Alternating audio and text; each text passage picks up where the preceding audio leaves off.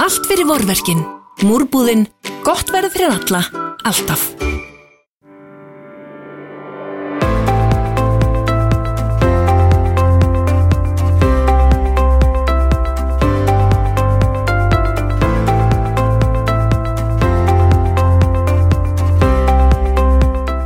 Ellefu frambóð verða á kjörsælunum í komandi borgarstjórnarkostningum. Í hlaðvarpi kjarnans fá kjósundur að heyra um stefnuflokkana með orðum oddvitana.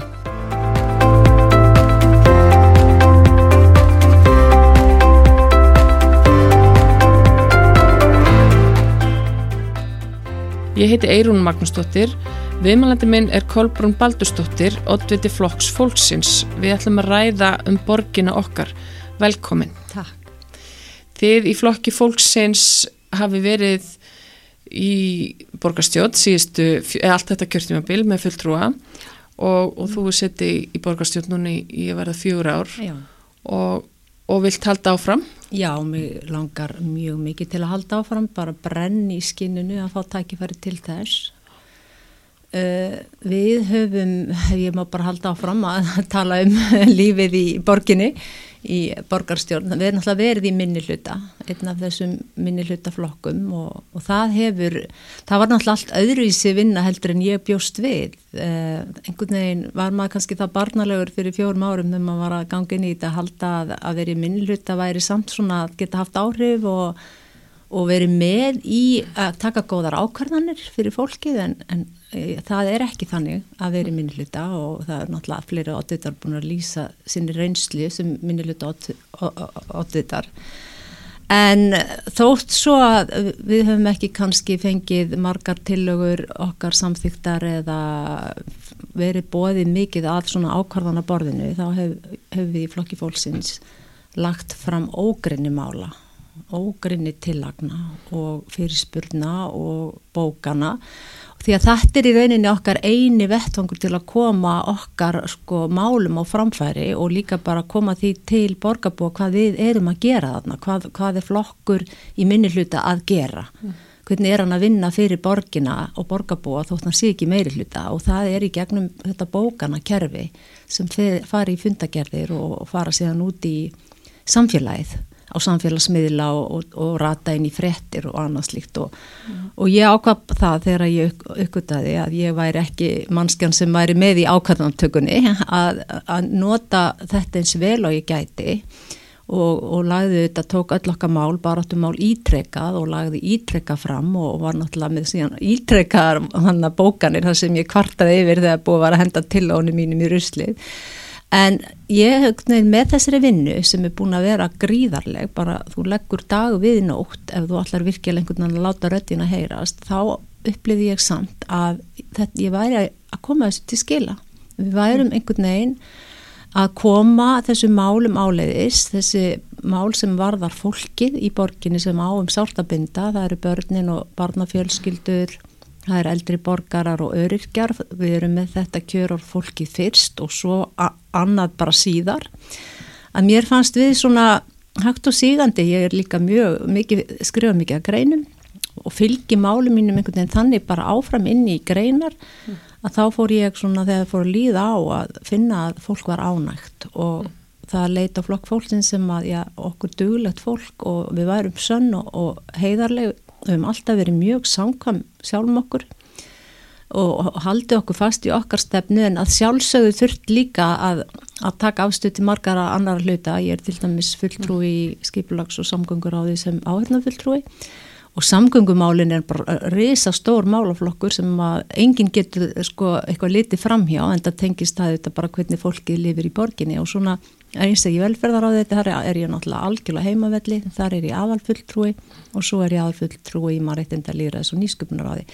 Þannig að það hefur verið gríðalega mikið að gera og mörg mál og, og þetta er svona bara nú spurningin, eh, er fólk ánagt með mig og okkur flokki fólksins í borginni, nóg ánagt til þess að finna að þetta er fólk sem að þau vilja kjósa aftur til þess að vinna fyrir sig og hlusta þeirra rattir. Uh, en aðeins, að því þú minnist að þetta með svona þessa þennan kultúr, þennan pólitíska kultúr inn í, í, í borginni að meira hlutin hefur áskaplega mikil völd og minni hlutin einhvern veginn upplifir sig svona valda lítin hann inni þráttur að vera með atkvæða bak við sig. Hvað myndið þú gera að breyta þess að þú kemist í meir hluta? Já, aðeins fyrst sko, þetta er alltaf bara spurning um atkvæðagreyslu meiri hluta. Þau hafa eins manns meiri hluta og þannig að þegar að málu eru borin upp, þau segjum að ég er með tillögum að, að, að fjölga sálfarangum í skóla til þess að taka á byrjustónum mm og ég rauksti hana í löngum miklu máli og, og með öllum leiðum að síðan er til að þau leggja til að til að hún verði vísa frá eða hún verði feld og síðan er greitt atkvæði og þá eru þau alltaf með einsmanns meirluta þannig að ég á aldrei sens og við hefum í svo fjölmörgum málum sem öllir, öllir minnilutanum hefur staðið saman að einhverjum stórum og líka bara réttlæti smálum sem þau hendar þeim ekki á þessum tíma mútið alls ekki þannig að málið er fælt með 12 atkvæðum gegn 11 okkar. Þannig að, að það er ekkit að upplifa sig ekki hafa völd. Mm -hmm. við höfum engin völd þegar kemur atkvæðagarislinni þannig og, og það hefur verið mjög sárt að hlusta stundum á eins og nýjan frambjöðanda núna að segja já þau segjast vist ekki hafa neinn völd. Þannig er náttúrulega bara einhver að tala sem hefur ekki hugmynd um hvernig kaupin á öyrinni ganga fyrir sig í borginni Þannig, en svona bara, þetta er bara raunveruleikin og, og þannig er þetta bara, ég minna, þú ert í meiri hluta og, og þú ert að, að kjósa og segja sér sjálft að meiri hlutin ræður og minni hlutin sem er þarna bara einsmanns minni hluti, hann verður í minni pókan og það er rétt, það er meira atkvæða magn að baki okkur í minni hlutunum meiri hlutunum, mm -hmm. en þau náða að mynda hana meiri hluta með einu manni umfram og, og það, þannig er bara staðan og nú er ég búin að gleyma spurningunni sem ég hætti að svara. En, hérna, en þú ert væntalega alveg til í að, að hérna, fá fleiri með þér að þessu sinni í, í borgarstöndar flokk ég, ég brenni fyrir við, ég er náttúrulega með sko, listi flokksfólksins núna er stórkostlegur. Þetta fólk sem er uh, í frambóði er bara frábært fólk, ég ætla nú að fá að nefna þau hérna. Í öðru sætis þá var hún Helga Þorðardóttir sem mm. er eh, kennari á Barnaspítala Ringsins og og er þaul reynd og reynslu mikil eh, líka í pólitík. Síðan kemur Einar Sveinbjörn Guðmundsson, hann er kervisfræðingur og, og starfa núna hjá ráðuneytinu.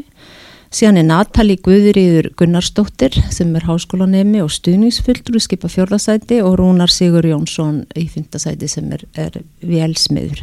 Og þetta fólk eh, sko er bara, það, það það brennir fyrir þessu málum og, og er svo tilbúið og tilbúið að vinna vel og mikið og mér finnst það svo mikilvægt að þetta er nefnilega svo mikil vinna og þegar ég er búin að vera að vinna með og undirbú okkur við þessi hópur að skinja sko kraftin og eljuna að auðvitað langar okkur núna að, að komast á þann stað að geta komið einhverju til leiðar. Draumurinn eru þetta bara að komast í að geta mynda meiri hluta með fólki sem hefur áhuga á okkar málum sem er að setja fólki í fyrsta sæti og sjá til þess að allir geta átt hérna mannsamöndi lífi í borginni og eigða þessum bygglistum, nú býða 1900 börn á skólaþjónist eftir að komast í sálfræðings og talmennafræðings og svo framvegis. Auðvitað langar okkur mjög að komast í þennan meiri hluta þannig að við getum bara sest niður og gert hlutina. Og ég myndi vinna allt öðruðsi heldur en þessi meiriluti búin að gera. Hann er búin að vinna þannig að maður hefur svona oft farið svo brotin frá borði. Það er að segja að þessu eins og bara í borgarstjórn þannig að þegar að þú ert búin að vinna kannski einhverja tilögu með jáfnvel stórum hópi í borginni og það kemur bara nei við okkur hugnast ekki þessi til að við höfum ákveðið að vísa henni frá. Og svo kjósa það hana frá. Að þá, sko, fyrst þó ég sé nú svolítið því líku nagli og þaul reynd og ekki á, sko, það er ekki eins og ég sé unglingur þá stó, mér lág bara við að fara að gráta. Þú veist, ég, hann það segja má þessi til að ekki fara inn í nefnd til velferðarráðs eða einhver sviðs þar sem hún fær fyrir ykkar skoðun þar sem hægt er þá kannski aðeins að breytinni ef þið viljið það þar er hún raunverulega til að vísin bara frá eins og hverju annar drullur í tusku en þannig fór bara fyrir þeim í tugum saman og auðvitað vandist þetta þannig að lókum ég var ekki alltaf að fara að gráta en það var alveg líka sko, þannig líðanstundum að mér langaði líka bara öskra sko. mm. því að mér fannst þetta líka bara svo ósangjant sérstaklega að það vildi ekki hugsa neitt um þess að bygglista batna eða bara sértæk húsnæði fyrir fullarna fatlaða einstaklinga sem eru að býða árum saman jável heim í öldrum foreldrum sínum eftir að komast í búsetu. Og svona langur listi byðlista, batna, eldra fólks, öryrkja og þetta sko að, að gefa þessi ekki séns. Og ég myndi ekki vilja vinna svona. Og ég kemist í meirluta fyrst er náttúrulega að komast inn. Mm, og svo ef það í meirluta þá myndi ég vilja vinna þannig að ég tæki við bara öllum góðum málum frá þeim sem verða þá í minnluta mm -hmm. og við myndum bara vinna þetta saman. Auðvitað mm. þar kannski stundum að aðla orðalega og breyta til og, og eitthvað að skoða allt í kringum það. En líka upp á bara móralin að, hana, að ég, þetta er svo mannskemmandi og ég held að þessi ekki síðu mannskemmandi fyrir þennan meiri hluti að vinna svona. Mm. Að hérna taka okkur ekki betur og þetta byrjaði strax. Þá var svo magnað að upplefa það að fyrsta borgarstjórnafundi sem við sátum, þá var ég ekki hvort um mannstaf, þá fór allt í uppnáðum þá byrjaði strax bara hérna við ráðum og, og það var svona bara að byrja að gera lítið úr okkur. Mm. bara algjörlega og þeir sem vilja og nenn að horfa á þennan borgastundafundi í beinni geta bara séð það. Og ég hugsaði með mér sem sálfræðingur að, að oft sko þegar eitthvað samband, að að ég bara maður horfa á þetta sem samband byrjar svona illa að sko hvort að muni haldast svona illa eða hvort að muni lagast. Og ég fekk á tilfinninguna þarna var bara verið að setja línuna daldið fyrir all, fjögur árin sem síðan reynd varð. En ég, líka var mér hugsað að því að þá var Guðrún Augmundsdóttir okkar á lífi og, og hún er mikið vinkonum mín, við sátum saman lengi í Báðavandanem Reykjavíkur. Mm -hmm. og hún sagði við mig, Kóla mín, þetta er bara nýja brumið, þetta mun lagast. Þannig að hún hafi svona aðra upplifun. En því miður þá, þá hefur þetta, auðvitað eru við alveg vinirinn á milli, það er ekki eins og við séum alltaf að rýfast og við erum öll gott fólk en Þann, svona hefur samt menningin verið, það hefur verið svona afgerandi og með leiðilegum hætti fleikt nánast öllu sem við hefum lagt fram. Og það hefur gert mann svona, svona perraðan og skapað svona menningu sem þarf ekki að vera og ég, ég veit ekki hvaðan þessi menning kemur því að ég held hún að verið þarna lungu lungu áður en að ég steg þarna fætt inn í, inn í ráðhúsið. Það fyrir maður að sí stefnumálinn ykkar, ja. þið talið um uh, fólki fyrst og þið uh, mér langar að þess að fara í svona húsnæðismálinn þið talið um kallið þetta búsetu öryggi að það er verið búsetu öryggi fyrir alla og þið viljið forgámsraða uh, strax hvernig ætlaði að, að forgámsraða í húsnæðismálum? Já, við, sko, þetta er alltaf spurningum fjármakn og það kostar ef þú ætlar virkilega að gera góða hluti, þú ætlar að eigða bygglistum barn upp á 1900, þá kostar það það kostar að það þarf að fjölga fagfólki. Ef þú ætlar að sjá til þess að allir eigi þak yfir höfuðið og þannig að það getur kallað heimili sitt og haft þetta öryggi, þá kostar það. Og auðvitað þarf að byggja og það er búið að vera að byggja þannig að það er engin að segja ekki það hefur verið byggt á þessu tímabili en það leiði náttúrulega bara svo langur tími áður en að fara að ganga röskla til verks þannig að það eftir að taka langan tíma að vinna upp það að það var ekki byggt nógu mikið í mörg ár og fólk er náttúrulega ekki að fá lóðir eins og var hérna, að geta fengið lóðir og byggt ráðhús eða hvað eina eða bara meiri sveianleiki að því að það þetting byggða tók yfir og, og þannig að það auðvitað takmarkaði það að það væri hægt raunverulega setja jáfnvel upp ný hverfi. En það verður auðvitað að vera til þög til þess að hægt sé að bjóða fólki að ganga undir það og segja hér, hér getur þú átt heima og það þarf þess vegna að byggja meira og við viljum aðeins fara út fyrir þessa þjættingastöfnu, hún er góð og gild og allt í góðu með hana en við verðum að nota líka fleiri svæði. Og við höfum verið að nefna á Úlfarsadal, það er mjög mikið hægt að bæta við þar, það er ennþá gráorinn, það er ekki einu sinni sko fullir skólar allir, það er til innviðir. Og svo þarf mögulega setna, kannski ekki alveg strax að bróta nýtt land undir byggð og, og búa til nýtt hverfi, ég er kannski ekki að segja það sé á morgun. mm -hmm en auðvitað þarf bara að vera til húsnæði fyrir, fyrir fólki og svo þegar húsnæði er til þá þarf fólk að hafa efni á að, að eiga það eða leia það. Og þá erum við kannski komið líka félagsbústaðkerfinu og það hefur alveg tekið við sér, það er nú svo bygglisti sem hefur minkað í, það hefur semst fækkað á bygglista hjá félagsbústöðum. Og það er gott. En ennþá er samt þegar allt er tiltekið millir 800 og 900 manns að býða eftir félagslegu húsnæði. Þannig að strax má sjá og þetta sértaka húsnæði sem ég nefndi við þig áðan að það er bara vantar að gera meira af þessu. Þegar að vera að byggja kannski þá er rétt sko að það er ekki eins og kóðurinn sem er tekin og síðan er fólki að fjölga og jú, jú það er fólk kannski að flytja til Reykjavíkur þegar vona þar fái þess að þjónust og fái, fái húsnæði. Þannig að það þarf að setja meiri kraft í þetta og það þýðir meiri fjármagn. Og ég vil taka og við viljum taka fjármagnið frá þeim verkefnum sem er ekki eins brín fjárfrekum verkefnum og líka bara verkum sem nánast enginn er að byggja um sem ekki eru brín og sem er meira bara þessi meiri hluti svona pínulíti að vilja vera stoltur af og þykja smart. Hvaða verkefni er það? Það er til dæmis það sem stafræna umbreytingin. Hún er í rauninni fyrir þá sem hafa eins og mig núna ríkt í það í meirin ár. Það er í rauninni bara áfall að sjá hvernig farið hefur verið með fjármagn og nú er ég ekki að segja við, við þurfum stafræna umbreytingu. Við erum bara býðum yfir nákvæmlega eftir því að fá mikilvæga lausnir Það, það eru núna einhver eina dettinn sem við byrja að innlega sem kallast hérna hlaðan. Það vantar ennþá skjálastjórnunarkerfi. Það er ennþá flóki mál að sækja um, um hérna, pláss í leikskóla.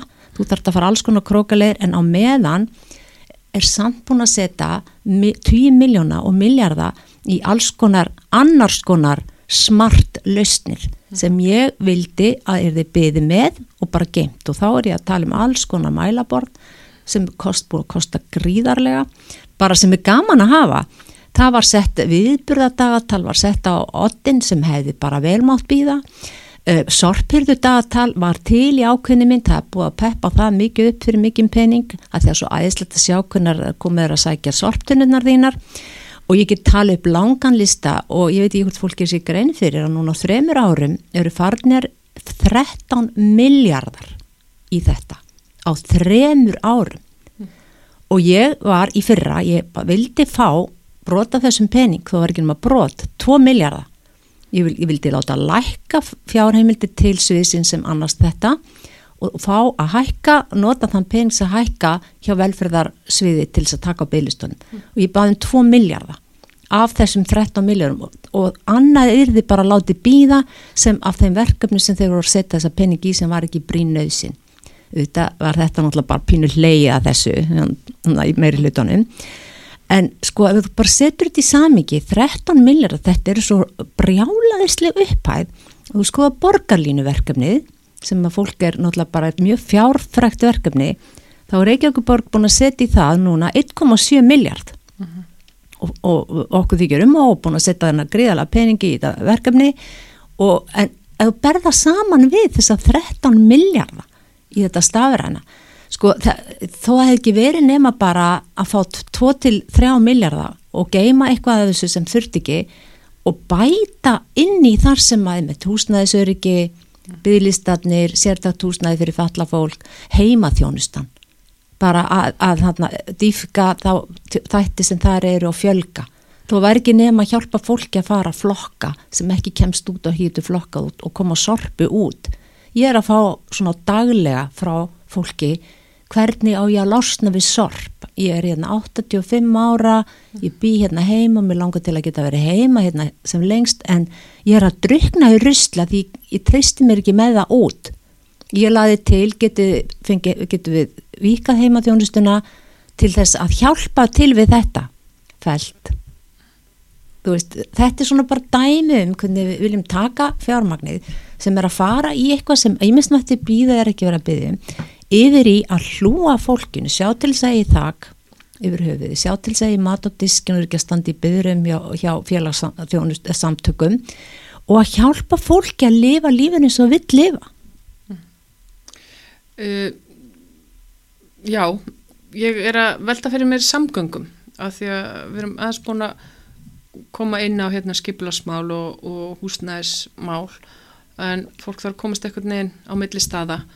Þið tali ekki sérstaklega um borgarlínuna í svona ykkar uh, stefnu, það sem þið listi upp stefnun ykkar, allavega á, á vefnum ykkar. Uh, hvernig er hugur ykkar í flokki fólksins til borgarlínu? Sko, ég held að almennt séð hérna er borgarlína náttúrulega ekki okkar baráttu kostningamál þegar við erum að tala um fólki fyrst og, og erum bara samkom okkur í því og en auðvitað þegar eins og ég sagði sko fólk þarf að geta komist á milli tafalaust á sem minnstum tíma og það er eiginlega okkar motto svolítið að fólk komist á milli a, a, sko með þeim leiðum sem það kýs á sem minnstum tíma með sem minnstu töfum.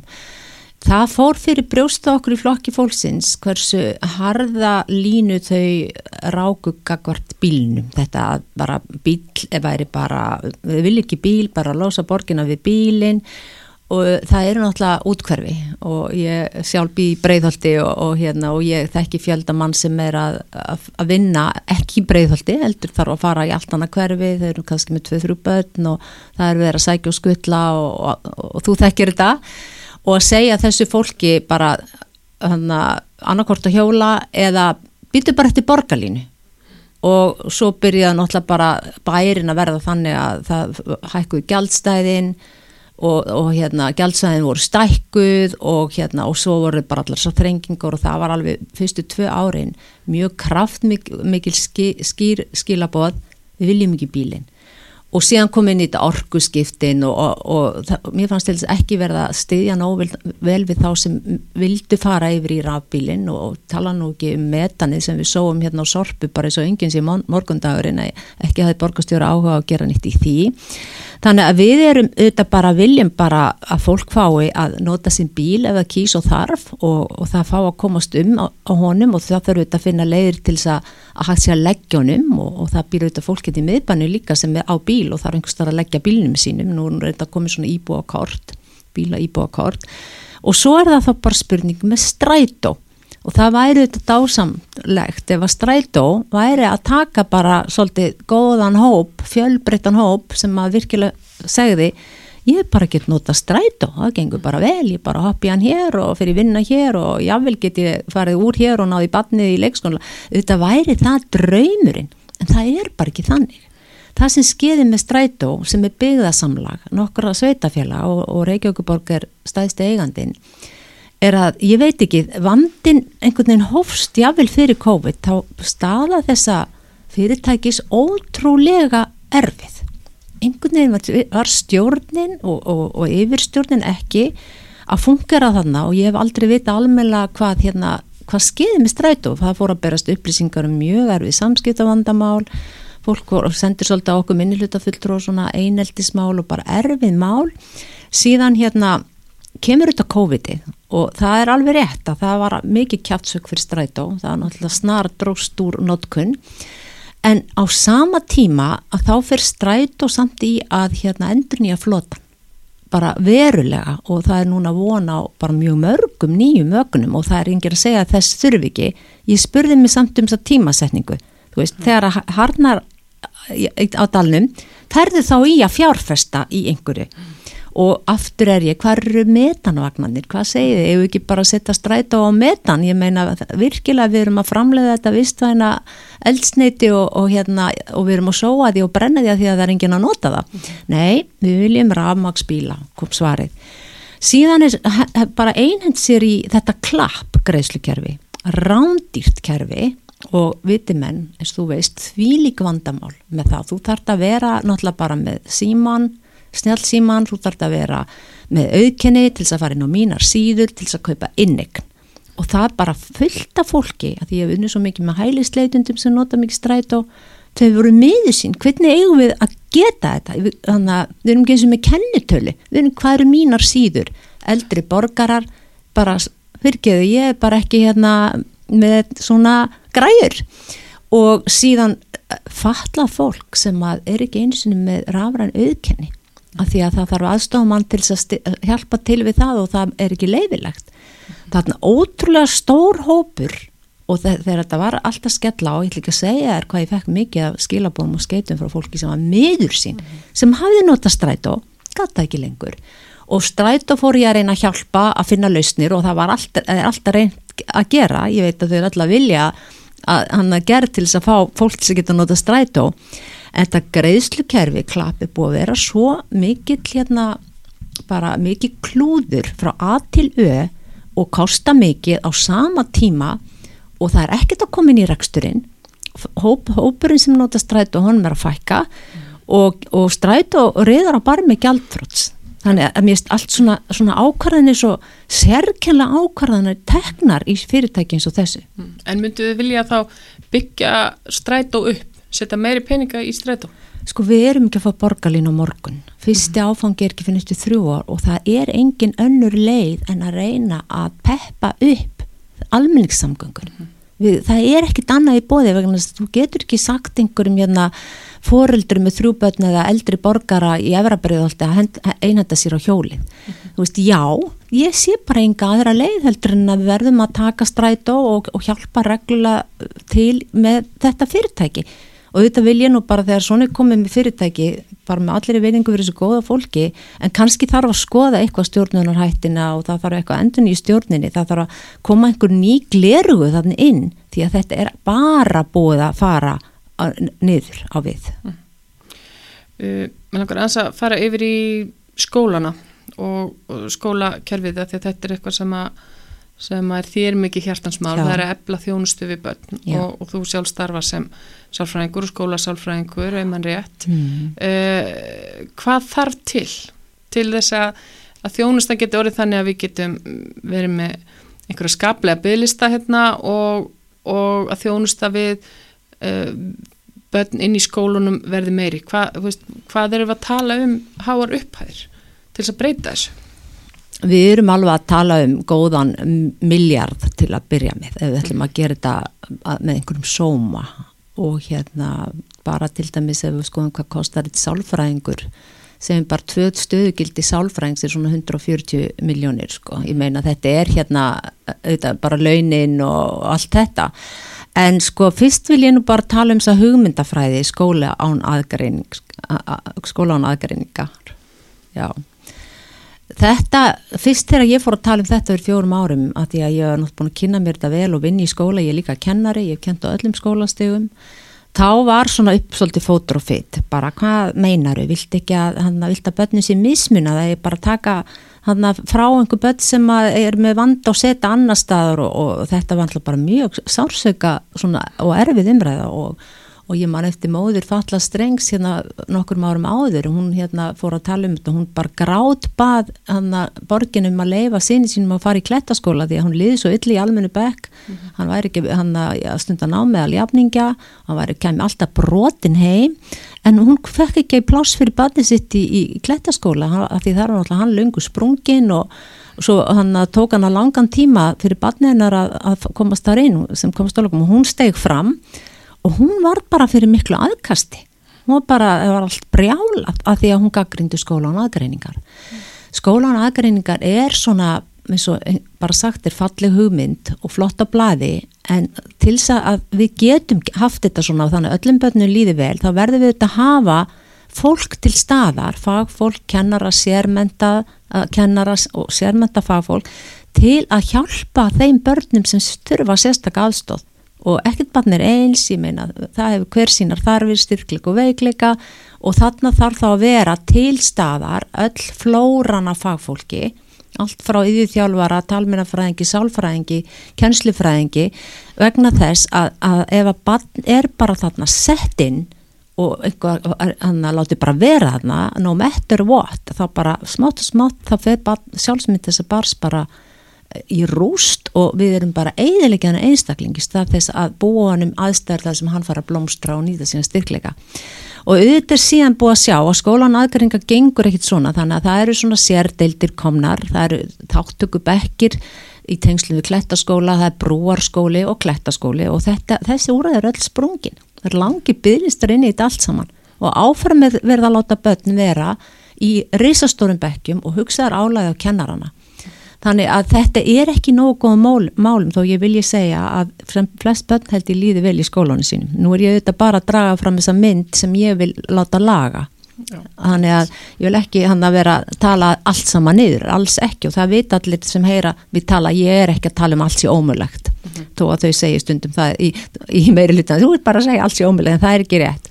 Öll mín barnabönd elska leikskólan sinn og skólan svo það sé sagt En já, þá þarf að hafa þetta fólk til staðar ef við ætlum að gera þetta. Ég vil fjölga sér úr aðeim.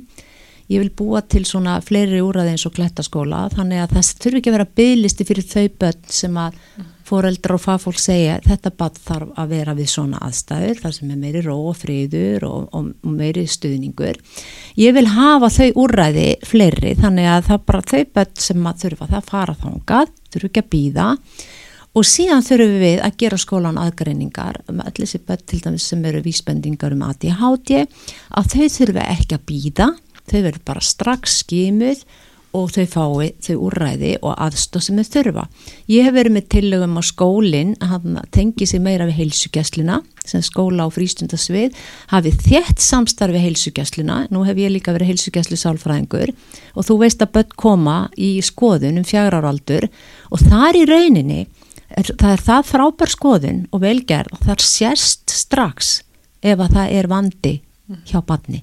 Eða, og það er strax að sjá vandi það er hér eitthvað sem við þurfum að skoða og ef ekki gripið inn í þá mun þetta vestna og þarna myndi ég vilja strax tengja þessar upplýsingar og þetta sem þessar skoðin við grunnskólan þannig að þegar barni kemur síðan tveimur án setni grunnskóla þá er búið eigið þetta samtal, það er búið að skiptast á sem gögnum, það er allir búinir að setjast niður og hugsa hvernig getur við sem best tekið á móti þessu barni sem vita er, er með þennan vandasegjum eða þar, þarna sértæks úræðis þannig að, að við höfum úræðis strax fyrir þetta barn. Það er ekki koma hérna til þess að, hérna, að vera eitt, tvö ár og býða og þá segir meir hlutin við erum með snemtaka í hlutin og það er rétt, það er aukist mjög mikið að grípa strax inn í með alls konar svona hín og þessu en það er oftur að renna mjög blind í sjóin því að það er ekki nákvæmlega að vita kannski hvað er nákvæmlega að, er þetta leskilningsvandi, er þetta starfræðivandi, er þetta málskilningsvandi, er þetta vitsmunafroskavandi?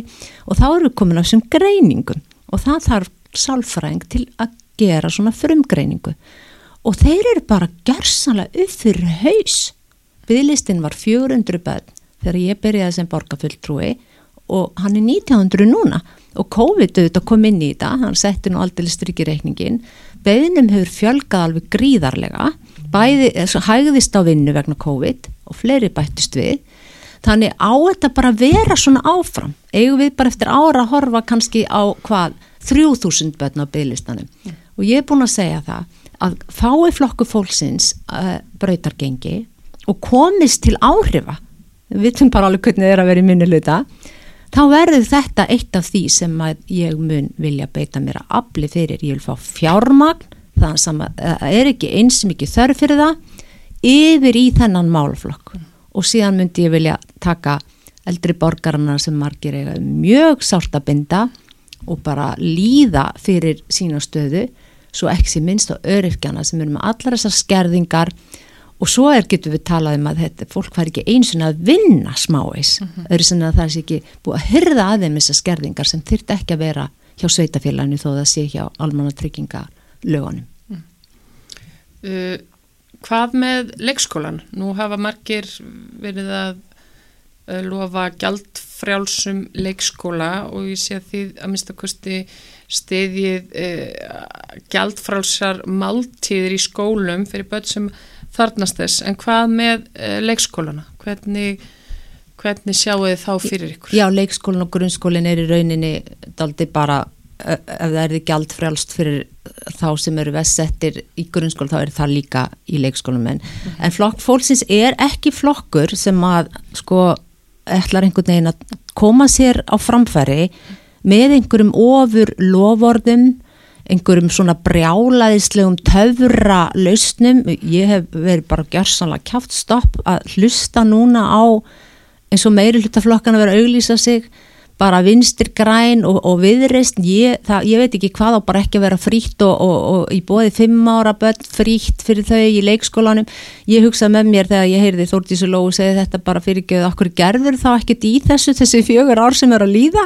Þetta er svo fáranlega, ég ég trú ekki að fólk bara taki marka á þessu. En ég leti reikna það út hvað mörg börn eru sagt, að búa undir þessum svo kalluðu uh, velferðar viðmiðuna mörgum þar sem að þú ert foreldrarnir, áttir einstæði foreldrar erum með undir 400.000 mánuði og bara þegar búið er að greiða talangin leigu sem tekur bara 60-70% af því er bara nánast ekkit eftir. Ég liti reikna út hvað þetta væri mörg börn og, og er með þá tölu hérna einhverstórun í tösku og hérna það eru nokkur þúsund börn í Reykjavík sem eru þarna akkurat í þessum hópi.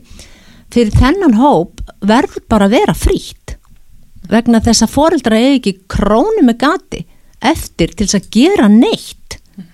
Og hérna þetta er bara svo einfalt mál.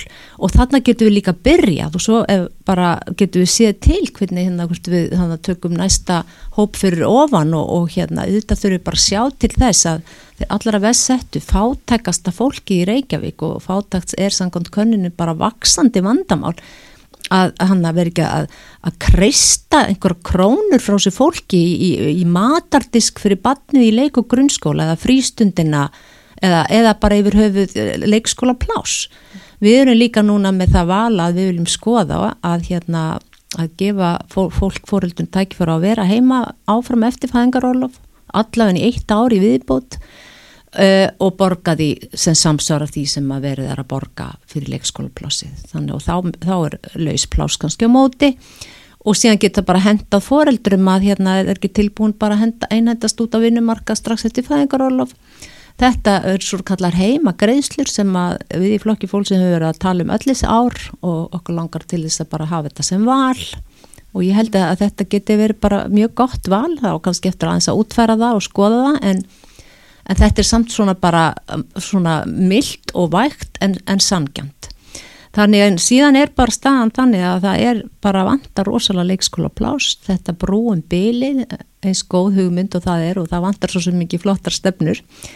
Það hefur senkað mjög mikið og á hverju hausti er bara hópur foreldra í mikill ángist, uh, börnin þeirra fá ekki plás og dagmömmunar eru þá akkurát á þeim, eða dagforeldrarnir, voru nú vist ekki það voru damumur hérna þegar ég var að eiga börnin að þeir eru, dagfóröldinir eru þeirra öryggi, starfsöryggi er allt í uppnámi, það er mikið hrúast mikið inn á ákunnum tíma og síðan bara eftir áramótin þegar það kannski vera dettin plásin og þá fara börnin frá dagfóröldunum yfir leikskóla, þá er allt í enu engin ekkert barn hjá einhverju dagfóröldri dagfóröldra finnst mér að hafa ekki fengið góða meðhundlun að hálfu þessa meðluta, mér finnst það að verið svolítið lítið niður á þessa stjætt, það er svona að segja já, þetta er svolítið stjætt sem er bara leiðin út en það er bara ekki þannig. Að það er ekkert leikskólaplás fyrir allir eins og lofa var. Þörfin er enn til staðar Já, já, já, heldur betur. Já. Fyrst er eitthvað að vera frábriði núna í þessari kostningabaráttu með að við síðustu kostningar er, er, er þetta kannski öðruvísi að vera í flokki fólksins núna heldur en fyrir fjórum árum?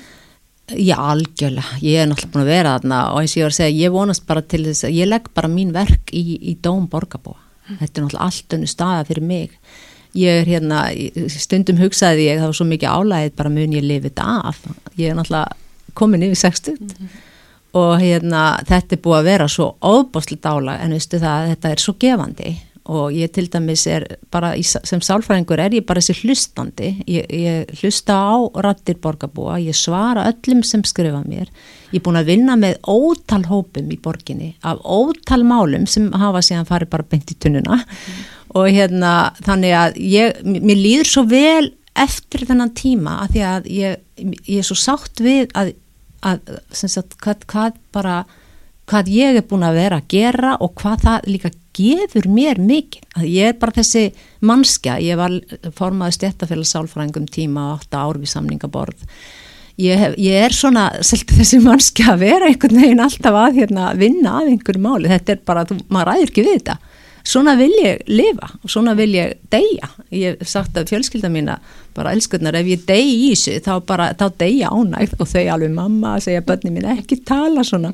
En þetta tekur þig algjörlega og hérna ég vil halda bara áfram að vera þessi framhandlegur borgarbúa inn í borgina en, en þetta verður bara því þarf svo nöðsilega að komast þangað sem ég get gert eitthvað með þessu góði mál fyrir þetta fólk og með bara komið ljós þann 14. hvað kemur upp úr körsónum þannig að þetta er allt annað mál og svo auðvitað reynslan bara að, að nú kann ég þetta nú er ég náttúrulega manna fljótust að hérna gera bókanir og koma okkar málum á framfæri með ymsum hætti, ég mann hefur þjálfast alveg svakalega, nú skil ég líka út af hvað það gengur. Mér finnst mjög skrítið núna að heyra til dæmis uh, hvernig meiri hlutaflokkarnir tala, þeir eru að reyna að aðgreina sig, fyrir mér var þetta reyna eitt flokkur. Ég sá eiginlega aldrei neitt mun á vinstir grænum og viðreist í þessi fjögur ár af því þau, þau urður svo mikið meðvirknis hópur, segi ég nú, sálfræði hugtaki meðvirkni. Þau voru eitt meðvirknisbúnt og, og bara hana, sko, stóða baki hverju byllin og fætur öðru hjá, hjá einhverjum þannig inni, það er alveg sama hvað var sagt og ég var ofta að segja, ég alveg er talað. Ég meina þetta er bara ekki lengur, þetta er bara eitt flokkur. Núna eru þau að reyna aðgrensi og koma með allskinn síðan rosa lofórn og til dæmis að heyra viðreysn og lofur þeirra er svo skjön við öll vinnubröðu og all hugmyndafræði sem að flokkurinn hefur látið frá sig fara á fjórum árum. Eða vinstir grænir sem manna hæst hann að gaggaði fríti stræt og fríti hann að fríar skólamáltir fyrir alla fyrir fjórum árum. Ég heyrði aldrei minnst á neitt af þessu frá vinstir græn, græna fulltrónum og hérna og núna byrja aftur frítt fyrir alla veist, er, ég, hugsa, eh, ég trú ekki að borgarbúar sjá ekki í gegnum þetta. En ég vil segja með minnilutan við höfum verið mjög sterkur minniluti með að við, að því nú þekki ég auðvitað, ég hef búin að fylgjast með pólitík þessi 63 ár sem ég hef lifað eftir ég var fullorðin.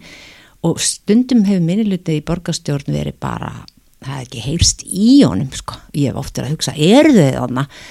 Þessi minniluti hefur alveg unnið ég auðvitað misnum, ég er ekki að segja allir en ég ætla ekki heldur að fara að nefna neitt en við hefum virkilega mörg eh, staðið upp og veitt aðhald, verið svolítið að reyna að fylgja eftirmálum með eftirlit og mótmælt harðilega einum rómi.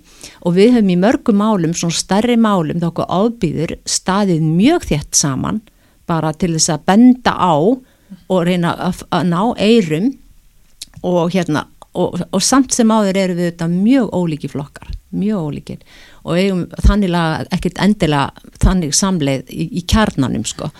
Þannig að ég verð bara að segja að hérna og þegar ég heyri eitthvað bara já, er alltaf verið að rýfast þannig í borginu eitthvað svona, ég bara hugsa að fólk veit bara svo lítið. Mm -hmm. Það er ekki einhvern veginn, kannski eðlilega en það, þetta er pínu sárt sko, vegna þess að það er virkilega búið, við erum virkilega og ég í flokki fólksins og við búin að reyna að koma okkar málum og framfór reyna bara að fá að vera með í bara samvinna, oft er að segja okkur getur við ekki gert þetta saman?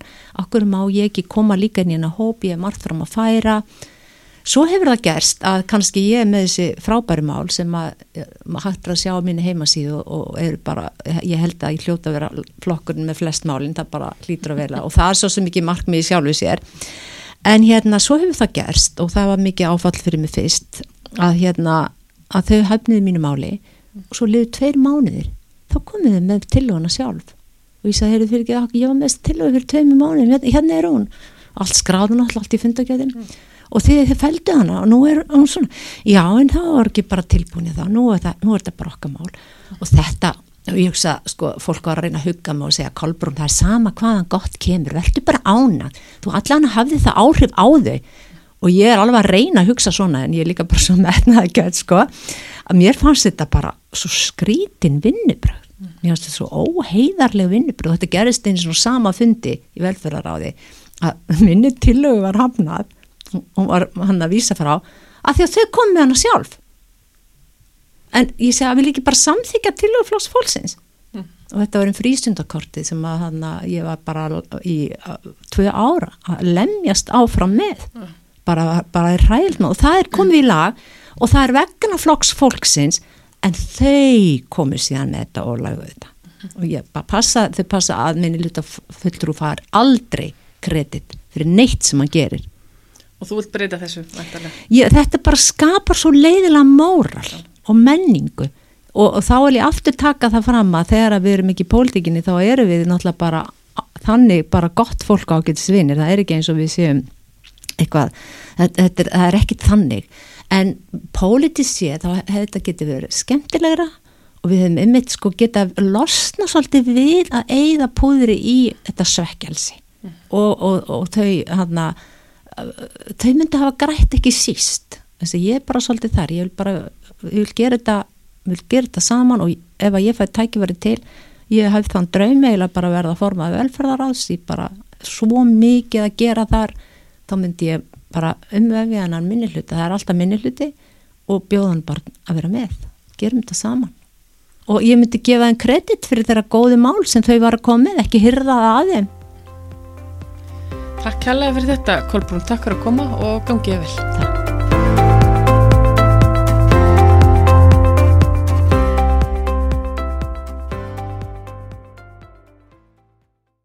Múrbúðin er 20 ára. Frábær tilbóð. Kíktu í heimsókn.